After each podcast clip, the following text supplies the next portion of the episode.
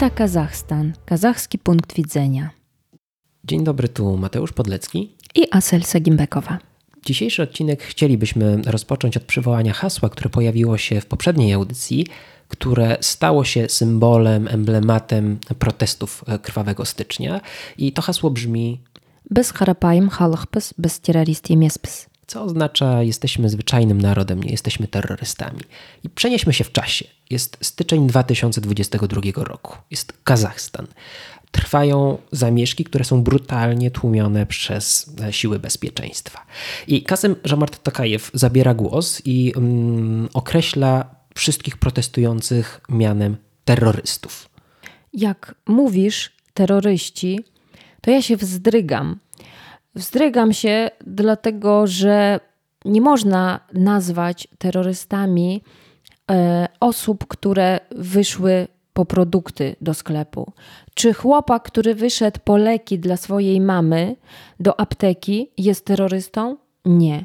Czy ta dziewczynka czteroletnia, która zginęła w tych protestach, bo po prostu pojechała z rodzicami gdzieś, jest terrorystką? Nie, nie jest. To nie są terroryści, to Wi są ludzie. Wiadomo było, że tej opowieści nie da się utrzymać. Kasem Żomar Tokajew opublikował wiadomość na Twitterze, w której oskarżył protestujących o terroryzm, ale bardzo szybko ją e, usunął. I później zaproponowano e, inną opowieść. E, w prorządowych mediach pojawiały się informacje o tym, że za protesty odpowiedzialni są najęci za granicą terroryści, którzy przybyli do Kazachstanu po to, by destabilizować sytuację w Kazachstanie.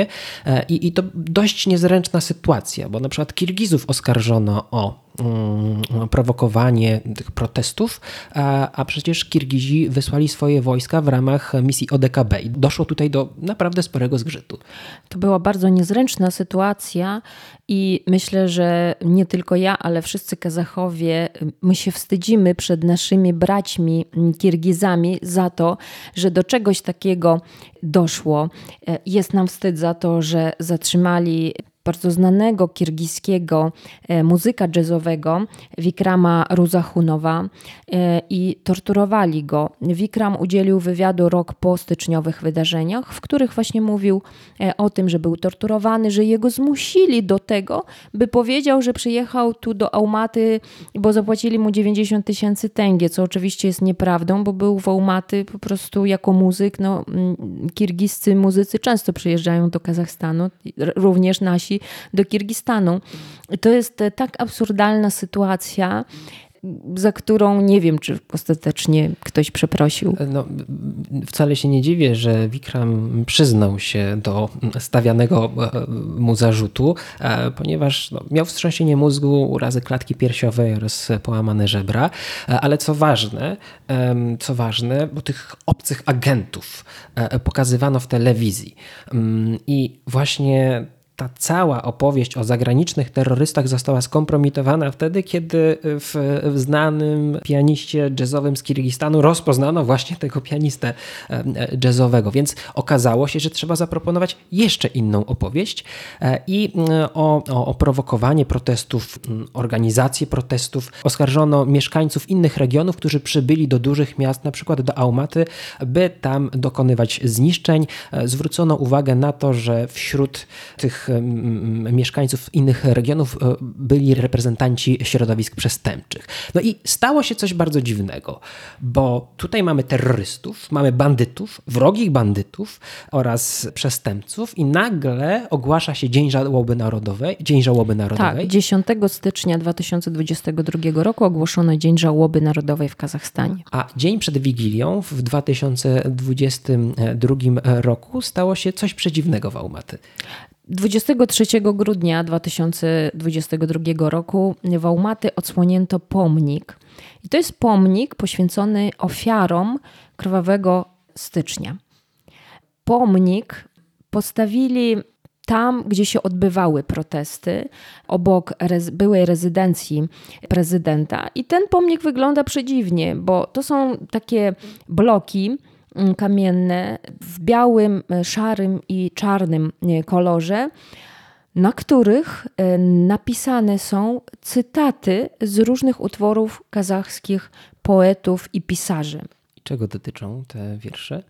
To są wiersze, cytaty takie nawołujące do jedności. Zresztą w ogóle przyjechał prezydent, przyleciał prezydent Kazachstanu Kasym Żomar Tokajew na odsłonięcie pomnika i też mówił o tej jedności, bo Teraz chyba dużo się o tym mówi, że mamy jakieś, mieliśmy tragiczne wydarzenie, teraz musimy po prostu wszyscy się zjednoczyć jako naród. Czy ja dobrze rozumiem, e, że odsłonięcia mm, pomnika poświęconego ofiarom e, protestów odsłania człowiek, który jest bezpośrednio odpowiedzialny za śmierć tych ludzi? Bo przecież Tokajew wydał rozkaz strzelania do nich bez ostrzeżenia i powiedział, że bierze całkowitą odpowiedzialność na siebie. I jeżeli dobrze myślę, to, to wydaje mi się to nad wyraz cyniczne, że e, de facto ktoś, kto odpowiada za śmierć tych osób, odsłania pomnik ku ich pamięci. Nie wiem, co ci powiedzieć. Y, no może, e, może o czym nie można mówić, o tym e, trzeba milczeć, ale. Ale chciałam tylko dopowiedzieć, że część internautów tak właśnie też pisała pod informacją o tym, że pomnik został odsłonięty. A jaka była reakcja rodzin ofiar? W związku z odsłonięciem tego pomnika. E, co ciekawe, rodziny ofiar nie zostały zaproszone na odsłonięcie pomnika. E, informacja o tym, że ta uroczystość się odbędzie, pojawiła się w mediach, w internecie kilka godzin przed odsłonięciem. Przywieziono kilka autobusów ludzi, zwykle jak to w Kazachstanie się odbywa, wzięli e, ze szkoły personel, wzięli nauczycieli, przywieźli. Oni tam byli i później po uroczystości oczywiście wszyscy sobie sobie pojechali. Co ciekawe, media e, niezależne nie mogły w tym uczestniczyć, bo po prostu policja nie pozwoliła im podejść. I rodziny ofiar e, przyjechały później, jak już się dowiedziały, że okazuje się, że było odsłonięcie pomnika, to później one się tam e, pojawiły. Ale co istotne, na tych pomnikach nie ma nazwisk ofiar nie ma nazwisk, i o tym właśnie mówiły rodziny ofiar, bo to i nie tylko rodziny ofiar. W ogóle wydaje mi się, że cały Kazachstan e, mówił o tym, że tam powinny się pojawić te nazwiska. Ja od razu miałam skojarzenie z Alżyrem, czyli z akmolińskim obozem rząd zdrajców ojczyzny. To jest tam jest teraz muzeum i tam jest taka właśnie duża ściana, na której są e, nazwiska więźniarek obozu. I ja sobie pomyślałam, dlaczego teraz tutaj nie ma nazwisk tych ludzi, tych 238 osób, które zginęły. I o tym mówiły też e, rodziny ofiar. Ale te rodziny ofiar przyjechały z własnymi banerami, na których były wypisane nazwiska tych ofiar. Następnego dnia, tak, pojawiły się właśnie banery no ale no co, czy, jak długo te banery tam stały? One stały kilka godzin i już ich nie było. A jak zareagował internet? Internet zareagował od razu, błyskawicznie i było bardzo dużo przeróbek właśnie, że zamiast cytatów ludzie tam wpisywali te nazwiska i pokazali właśnie, dużo było pokazane tego, że tak ma wyglądać ten pomnik. Ludzie mówili o tym, ok, dobrze, była rzeczywiście e, koncepcja, żeby były obrazy, e, żeby były zdjęcia, ale później z niej zrezygnowali, no ale nazwiska e, miały się pojawić. I, i, takie też były e, głosy rodzin. Tak, e, ja, ja bym chciała e, przytoczyć tutaj wypowiedź jednej z pań, która tam była przy, przy, przy tym pomniku i udzieliła wywiadu właśnie dla Azatych. To jest taki kazachski odpowiednik Radia Wolna Europa. Pani Isaja Jesiengilde powiedziała tak, ani słowa nam nie powiedzieli, nie liczą się z nami. Tyle krwi się tu przelało. Nic tu nie przypomina przelanej krwi. My walczyliśmy o pomnik. Chcieliśmy, aby on był rzeczywiście poświęcony ofiarom wydarzeń styczniowych. Nam powiedzieli, że nie będą wypisywać nazwisk ofiar. Dobrze, mogli chociażby napisać o ofiarach, Walczyliśmy o to prawie 12 miesięcy. To wygląda jak jakiś zwykły pomnik. Chcieliśmy, żeby to było miejsce, do którego mogłyby przyjść nasze dzieci, którym moglibyśmy powiedzieć, że tu zmarł wasz ojciec. Niczego takiego nie ma. Brzmi to na pewno dramatycznie ja staram się zrozumieć po co ten wyreżyserowany spektakl Kasymowi Żomartowi Tokajewowi. No, domyślam się, że no właśnie, mamy tutaj do czynienia ze spektaklem, a on pokazuje, że wzmacnia swój autorytet. Mówi, zobaczcie, ja buduję pomnik dla tych ofiar, ale nie nazywam ich, a więc pozbawiam ich w zasadzie podmiotowości, pozbawiam ich tego, co najważniejsze, imienia i nazwiska. Ale też, y, czyli widzimy tutaj pewnego rodzaju sztuczkę retoryczną, która ma pewnie za zadanie uspokoić nastroje społeczne, bo w Kazachstanie wrze, dzisiaj wrze, ale też chciałbym może odczytać to w takim kluczu, który został zaproponowany przez e, Benedykta Andersona, amerykańskiego politologa, historyka. I dla Andersona, jeżeli chodzi o kształtowanie się, formowanie się e, pojęcia narodu, tożsamości narodowej, dla Andersona bardzo ważne są pomniki i groby nieznanego żołnierza. Oczywiście to nie jest pomnik nieznanego żołnierza, ale on myślę, że może w pewnym sensie pełnić funkcję tego nieznanego żołnierza, no bo przecież poza rodzinami mało kto wie, komu poświęcony jest ten pomnik. Znaczy, e, Kazachowie wiedzą, tak, ale Kazachstańczycy wiedzą. Natomiast jakby ty przychodzisz tam i ty, i ty widzisz po prostu te kamienie i cytaty, nie wiem, to jest pomnik e, tym cytatom, tym pisarzom, pomnik literaturze, a nie pomnik wydarzeniom, które, tragicznym wydarzeniom, które miały miejsce. Tak, zgadzam się z Tobą. Chciałbym podkreślić, że dla Benedykta Andersona tego typu pomniki, takie pomniki e, są bardzo istotne, ponieważ symbolizują krew przelaną za naród. Pokazują, że naród jest czymś tak ważnym, że można poświęcić dla niego życie. I mm, tutaj tego typu pomniki bardzo mocno wpływają na wyobraźnię.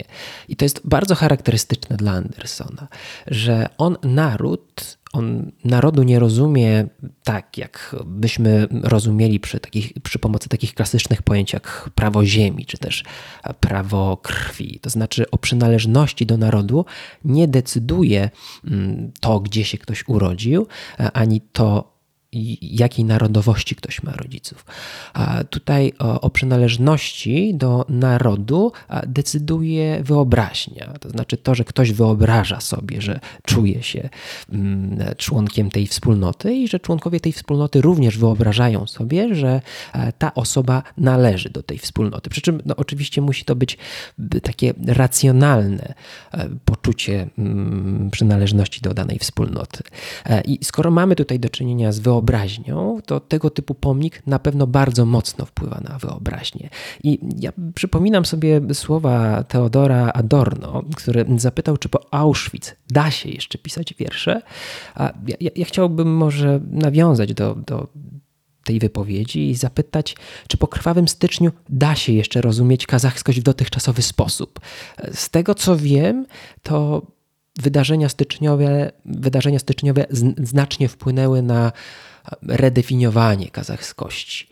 Na redefiniowanie kazachskości, którą właśnie rozumie się w ten sposób jako kazachskość jako wspólnota wyobrażona Kazachów. I obserwuję, że ta kazachskość po styczniu 2022 roku zaczęła się szybciej konsolidować. Że ta wyobraźnia dotycząca kazachskości zaczęła jakoś bardziej się ścieśniać, zaczęła być gęstsza. I tutaj mówię o, o, o tej wspólnocie wyobrażonej też nie, nie, nie bez powodu, bo chciałbym nawiązać do historii Twojego dziadka, bo Twój dziadek jest tutaj takim paradygmatycznym przykładem osoby, która nie jest Kazachem z urodzenia, nie ma krwi kazachskiej oraz nie urodziła się na ziemi kazachskiej, a mimo to była stuprocentowym Kazachem. Tak, to prawda. Dziadek, czyli ojciec mojej mamy, Kazach, stuprocentowy, ale to jest osoba, która była deportowana. Rodzina mojego dziadka, to jest w ogóle zdumiewająca historia, bo rodzina mojego, mojego dziadka Została deportowana pod koniec lat 30., y, na początku 40. do Kazachstanu i trafiła akurat do obwodu aumackiego. Cała rodzina dziadka zginęła i został tylko dziadek. Miał wtedy 4 lata, był bardzo schorowany. Adoptowała go kazachska rodzina i wyleczyli go, został ich synem. Mówił tylko po kazachsku, jego rosyjski był bardzo słaby. Czuł się Kazachem, miał kazachskie imię, kazachskie nazwisko. Absolutnie kazachską stuprocentowo kazachską mentalność, jedyne co wyglądał nie jak typowy Kazach. No ale właśnie dla wszystkich dookoła też był Kazachem. No właśnie, chociaż nie miał kazachskiej krwi oraz A, nie ale... urodził się w Kazachstanie. A, I był bardzo mocno przywiązany do swojego żuzu. Tak, do swojego żuzu, czyli trzeba chyba wytłumaczyć, czym są e, żuzy. Kazachowie mm, mają organizację plemienną. E, my się dzielimy na trzy żuzy, na takie e, wspólnoty ponadplemienne i mamy starszy żuz, który mm, zamieszkiwał właśnie tereny południowe. Średni żuz to jest centrum Kazachstanu i młodszy żuz to jest zachód Kazachstanu każdym żu, żuzie z, są określone plemiona. E, I później jest właśnie ten podział jeszcze na różne rody. Mm, no i oczywiście mój dziadek, mm, również jak każdy typowy Kazach, y, czuł swoją przynależność do określonego żuzu, a dziadek był ze starszego żuzu, z plemienia e, Szapraszty, z rodu Jekiej. Kto jest y, najbardziej znanym przedstawicielem tego plemienia? Najbardziej e, słynną osobą e, z plemienia Szapraszty jest e, pierwszy prezydent Kazachstanu Nursultan Nazarbajew, bo on właśnie pochodzi z obwodu aumackiego, a obwód aumacki, właśnie te tereny, to są ziemie, na których właśnie mieszkają do tej pory te plemiona, znaczy przedstawić jakby Kazachowie, którzy należą do tego plemienia. Ale co daje przynależność do żuzu? No to jest tak, że to nie jest wpisany w żadnym dokumencie, prawda? Po prostu my wiemy, że należymy do tego żuzu, do tego plemienia. W ogóle każdy Kazach musi znać siedmiu swoich przodków. I w ogóle jest coś takiego, że mm, mówi się, że ten starszy żuz to bardzo dużo osób właśnie u władzy są ze starszego żuzu. Zarówno obecny prezydent Kazachstanu, jak i były prezydent Kazachstanu, no i większość y, chyba w rządzie to są e, ludzie właśnie ze starszego żuzu. E, średni żuz to jest nasza inteligencja. Większość e, pisarzy, poetów, uczonych Kazachstanu są właśnie ze, ze średniego żuzu. Nasz Abaj, kazachski poeta, filozof XIX wieku jest właśnie z tego żuzu. No a o młodszym żuzie mówi się, że oni są waleczni, że są takimi wojownikami, bohaterami. No i w zasadzie jakbyśmy popatrzyli, rzeczywiście protesty się zaczynały na zachodzie Kazachstanu w Żana Ozenie. Dużo wojskowych, dużo, dużo wojskowych generałów, tak, generałów, tak się mówi z tego plemienia. No ale coś, powiem ci szczerze, że coś w tym jest, że rzeczywiście ludzie jakby zwracają na to uwagę, pytają o to, z jakiego jesteś żuzu, z jakiego jesteś plemienia. Mimo, że my sami siebie e, osądzamy i mówimy, że nie, to nie jest okej, okay, nie powinniśmy tak się dzielić, bo wszyscy jesteśmy Kazachami, a równocześnie jednak to jest ważne i ludzie o to e, pytają. Ilu swoich przodków powinien znać Kazach? No, siedmiu swoich przodków, to się po kazachsku nazywa dzietata i mm, każdy kazach musi znać siedmiu swoich przodków. Często właśnie jest tak, że chłopak jak poznaje dziewczynę, to ją pyta o jej przodków, o, o to z jakiego rodu jest, dlatego że nie można się pobrać z kimś, kto nie przeszedł, jeżeli nie przeszliście progu siedmiu przodków, to nie możecie się pobrać. Ja wiem, że w Polsce może jakieś dalsze kuzynostwo może się pobierać, u nas absolutnie nie. Kazachowie bardzo o to dbali. Czyli chodzi o to, żeby ta sama krew no, się nie mieszała, tak? Jak dobrze rozumiem? Tak, tak, o to chodzi właśnie. To gdyby Habsburgowie kierowali się tą zasadą, którą kierują się Kazachowie, to być może nie mielibyśmy do czynienia z czymś takim jak szczęka habsburska. Nie wiem, e, jak, jakby było. Jak, wiem, jak jest w Kazachstanie, i to jest do tej pory jakby no, przestrzegane, zwraca się na to uwagę. I myślę, że to jest ważne.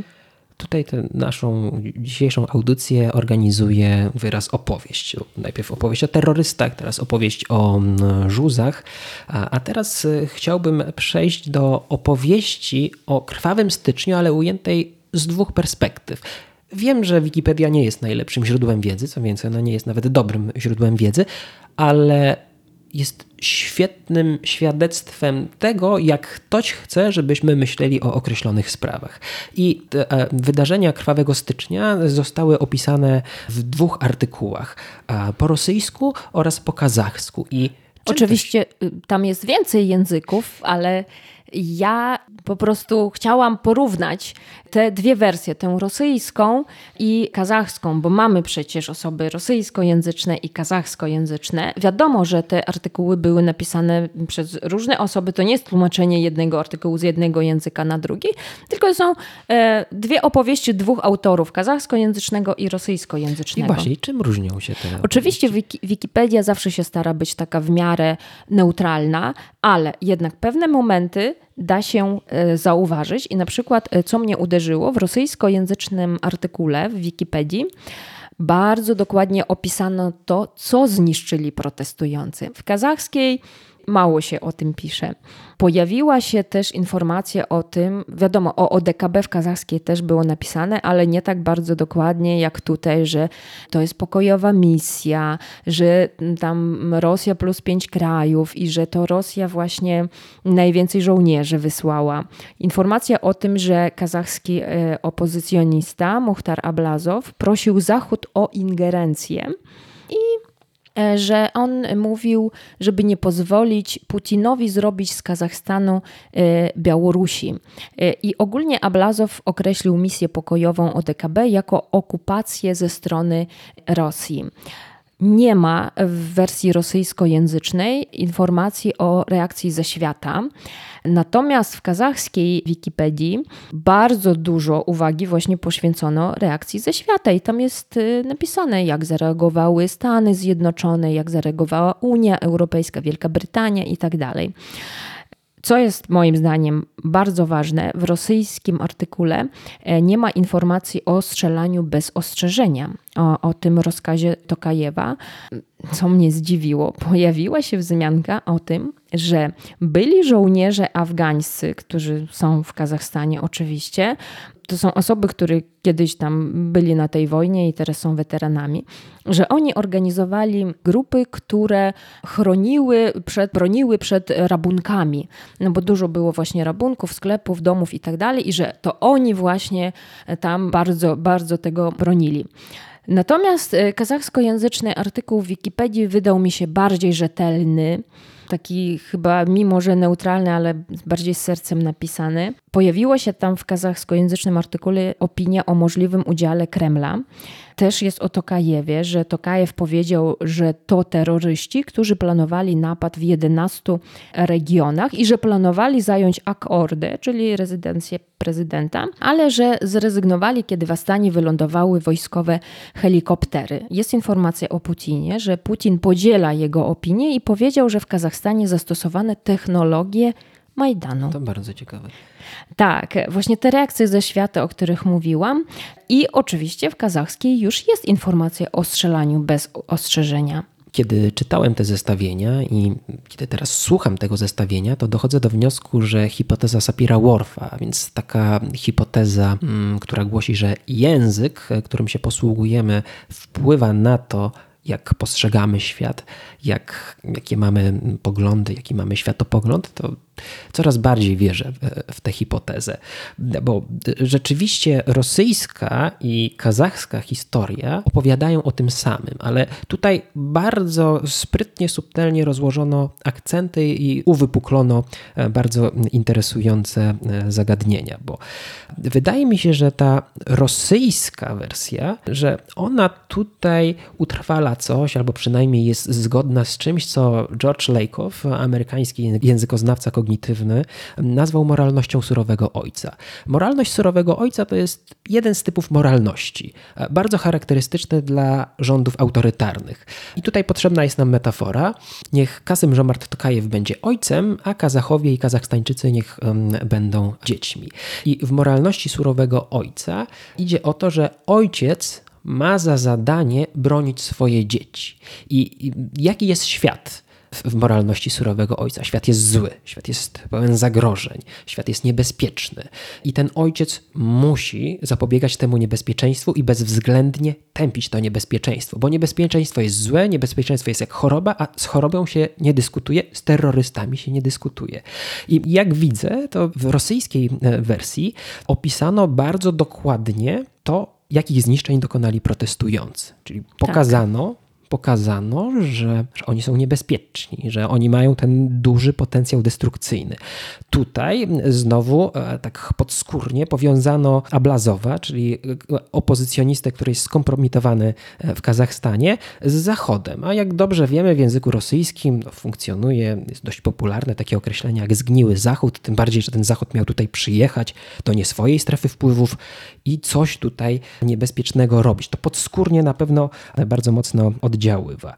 Nie ma też przecież informacji o strzelaniu bez uprzedzenia, bo to byłoby chyba stosunkowo niewygodne e, dla e, Tokajewa. I mam wrażenie, że Tokajew został pokazany jako ojciec, który jest surowy, który walczy ze złem, które w tym złym świecie zachowuje się wzorowo, ale jest bezwzględne dla tego zła. I to jest bardzo charakterystyczne dla moralności surowego ojca. Więc z kazachskiej wersji odczytuję opis tych wydarzeń i, i swojego... Rzetelny opis. Właśnie. I żal, a tutaj jakbym czytał coś do czego przywykłem, mierząc się z tekstami rosyjskiej propagandy.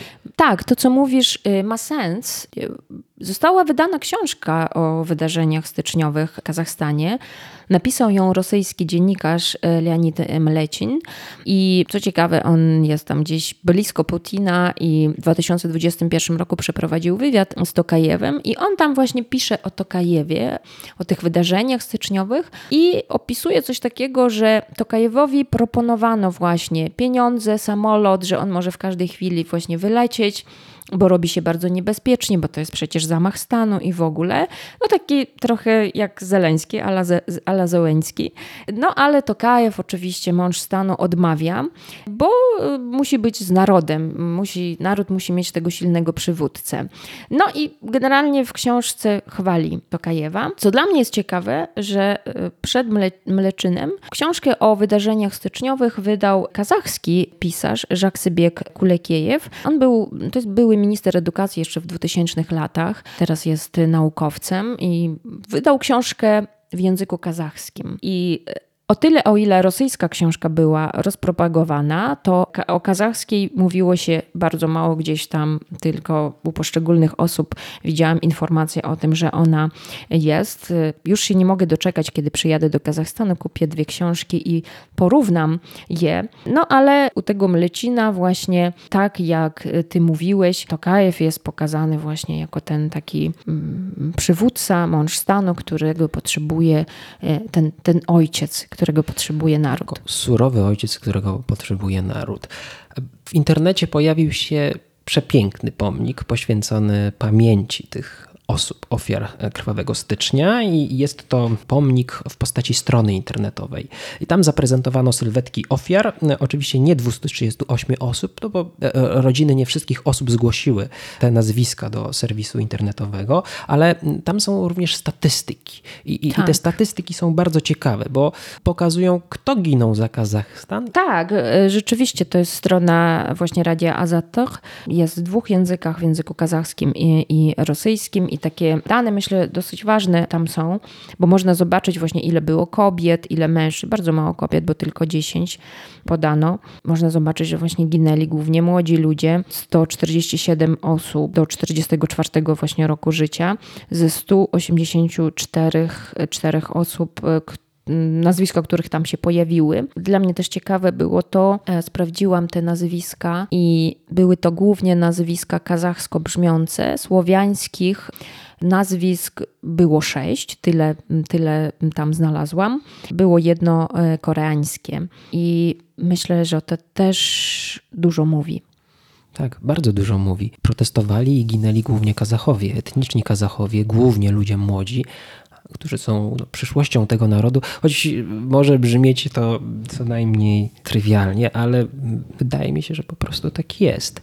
Ale Kazachstan Kazachowie odzyskują swój głos, odzyskali swój głos i ten głos słychać w przestrzeni publicznej. I wydaje mi się, że kazachska tożsamość funduje się w jakiejś części między innymi na negacji tego, co rosyjskie, na odrzuceniu ruskiego miru, bo ten głos brzmi zupełnie inaczej. I tutaj bardzo dużą rolę, niepośrednią rolę odgrywa język kazachski, który... Który się odradza, można tak powiedzieć, odradza się nasza tożsamość. Którego I... prestiż rośnie. Tak, rośnie prestiż języka kazachskiego i to jest bardzo mocno zauważalne. To jest po prostu od razu rzuca się w oczy, w uszy, można powiedzieć, jak słyszymy, że jak dużo osób teraz uczy się kazachskiego. Kazachstańczycy, wszyscy, nie tylko Kazachowie, ale też Słowianie, którzy mieszkają w Kazachstanie.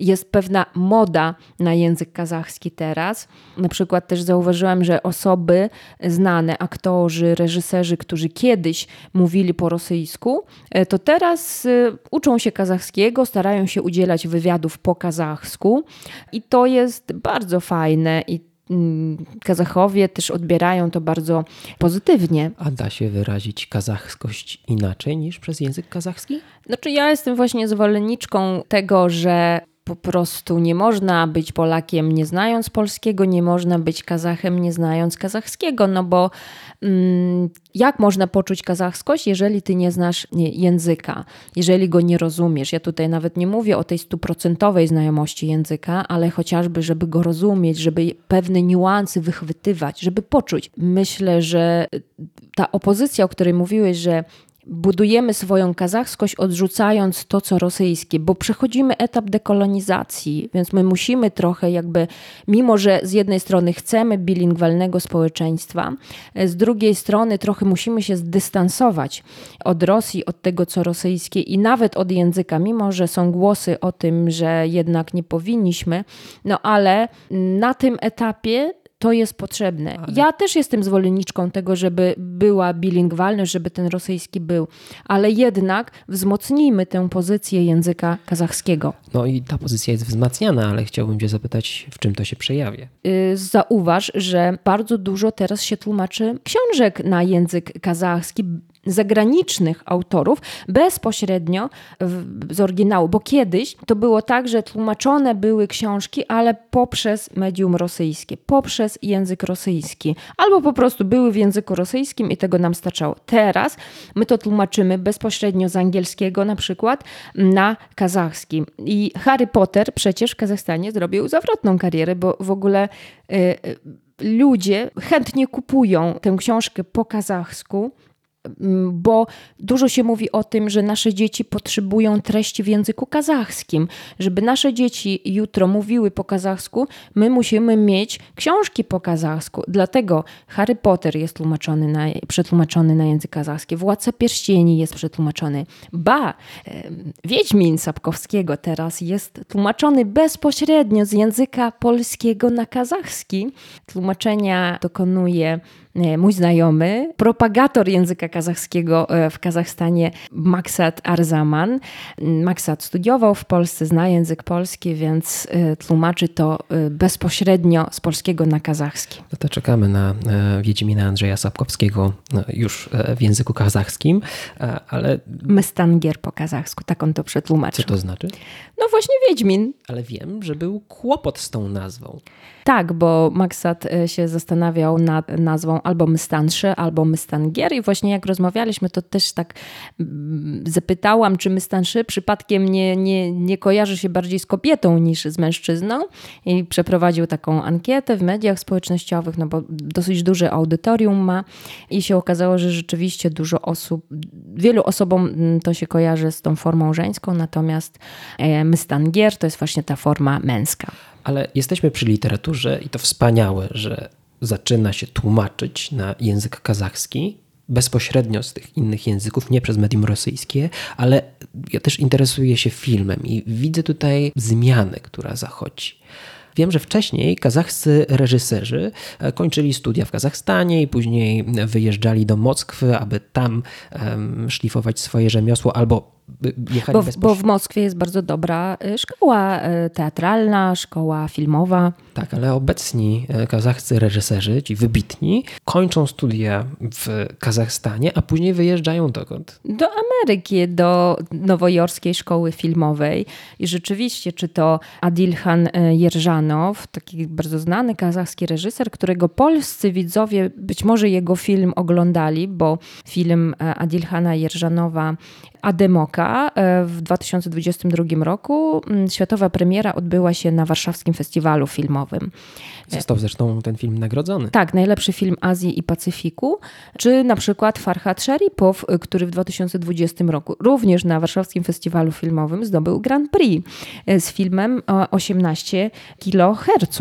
I ten film, nie robimy oczywiście żadnej reklamy, jest dostępny na CDA Premium i jego tytuł ja bardzo polecam ten film 18 kHz Adilhana Jerżanowa. Tak, 18 kHz e, to według reżysera e, taka częstotliwość, której nie słyszą dorośli. I czego nie słyszy Zachód, kiedy się mówi o Kazachstanie? No, y, y, myślę, że wielu y, rzeczy Zachód nie słyszy albo słyszy inaczej, powiedzmy tak, ale myślę, że na to pytanie spróbujemy odpowiedzieć w naszym następnym odcinku. Właśnie, bo mm, Kazachstan to nie tylko Borat, nie tylko piosenka freestyle zagrana na domrze i zaśpiewana w kazachskim idolu, ale również wiele utalentowanych ludzi, piękna kultura, piękne tradycje, o których będziemy opowiadać w naszych następnych odcinkach. Do widzenia. Bardzo dziękuję. Dziękujemy i zapraszamy.